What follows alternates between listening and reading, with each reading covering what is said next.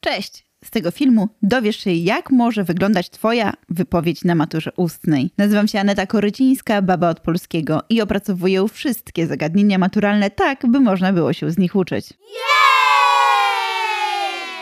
Odpowiedź na pytanie o człowieka w relacji z Bogiem, w której trzeba się odnieść do Księgi Psalmów, może wyglądać tak. Najpierw wstęp. Relacja człowieka z Bogiem w każdej religii i kulturze cechuje się hierarchicznością. Zarówno w chrześcijaństwie, jak i w mitologii greckiej Bóg jest tym, który dał życie człowiekowi i nim kieruje. Dlatego ludzie powinni okazywać mu szacunek oraz prawidłowo okazywać swoją religijność. Stary Testament jednoznacznie określił prawidłowe relacje człowieka z Bogiem. Księga Wskazuje, że los człowieka zależy wyłącznie od woli Stwórcy. Natomiast złamanie boskiego zakazu zawsze spotka się z karą, tak jak stało się to w przypadku Adama i Ewy, których losy opisano w Księdze Rodzaju. W związku z tym człowiek zawsze powinien pamiętać o tym, że Bóg jest najważniejszym bytem, z którym nie powinno się podejmować dyskusji. Przejdźmy teraz do rozwinięcia, w którym odwołamy się do lektury obowiązkowej. O relacji człowieka z Bogiem świadczy już sama budowa Księgi Psalmów, która składa się z utworów błagalnych, dziękczynnych, pochwalnych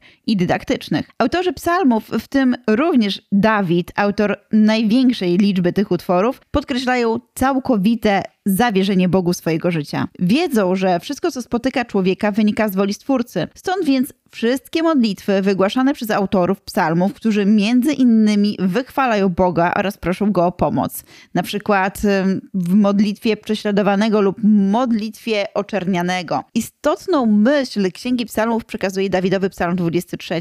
Pan jest moim pasterzem. Dawid pisze, że Bóg pozwala mu leżeć na zielonych pastwiskach, prowadzi go nad wody i orzeźwia jego duszę. Psalm wyraża również bezgraniczne zaufanie do Boga i jego rozkazów. Świadczył o tym słowa: Chociażbym chodził ciemną doliną, zła się nie ulęknę, bo ty jesteś ze mną. Uważajcie, żeby nie zacytować tutaj Marii Peszek. Podobny wydźwięk ma Psalm 130.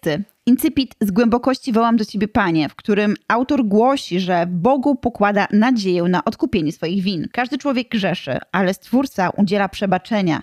Człowiek miłuje ludzi. Człowiek powinien więc jedynie kierować się bojaźnią, czyli okazywać swoją religijność w odpowiedni sposób. Dzięki temu, jak wskazuje Psalm pierwszy, możliwe jest otrzymanie łaski podczas sądu ostatecznego, ponieważ Pan uznaje drogę sprawiedliwych, a droga występnych zaginie. Pamiętajcie, żeby nie cytować tu Marii Peszek. Następnie wprowadźmy kontekst, ale tak by był on funkcjonalny.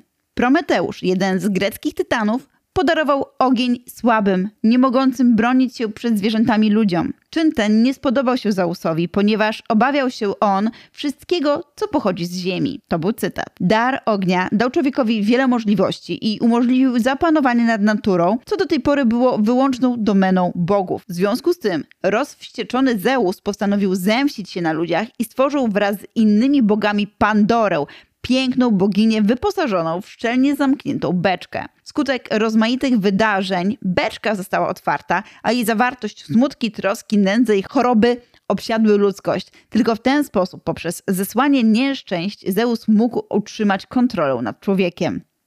A na końcu, jak w wypracowaniu czas na zakończenie, Człowiek w relacji z Bogiem powinien zawsze pamiętać o swojej marności. Zarówno Stary Testament, jak i wierzenia Greków zakładają bezwzględną wyższość absolutu nad ludzkością. Biblijne psalmy podkreślają nikłe znaczenie człowieka. Utwory pochwalne, błagalne, dziękczynne i dydaktyczne wychwalają Boga, a także ukazują nadzieję, którą ludzie pokładają w Stwórcy. To tyle. Jeśli chcesz skorzystać z opracowanych przeze mnie pytań na maturę ustną, zajrzyj do sklepu do którego zaprowadzicie link umieszczony w opisie.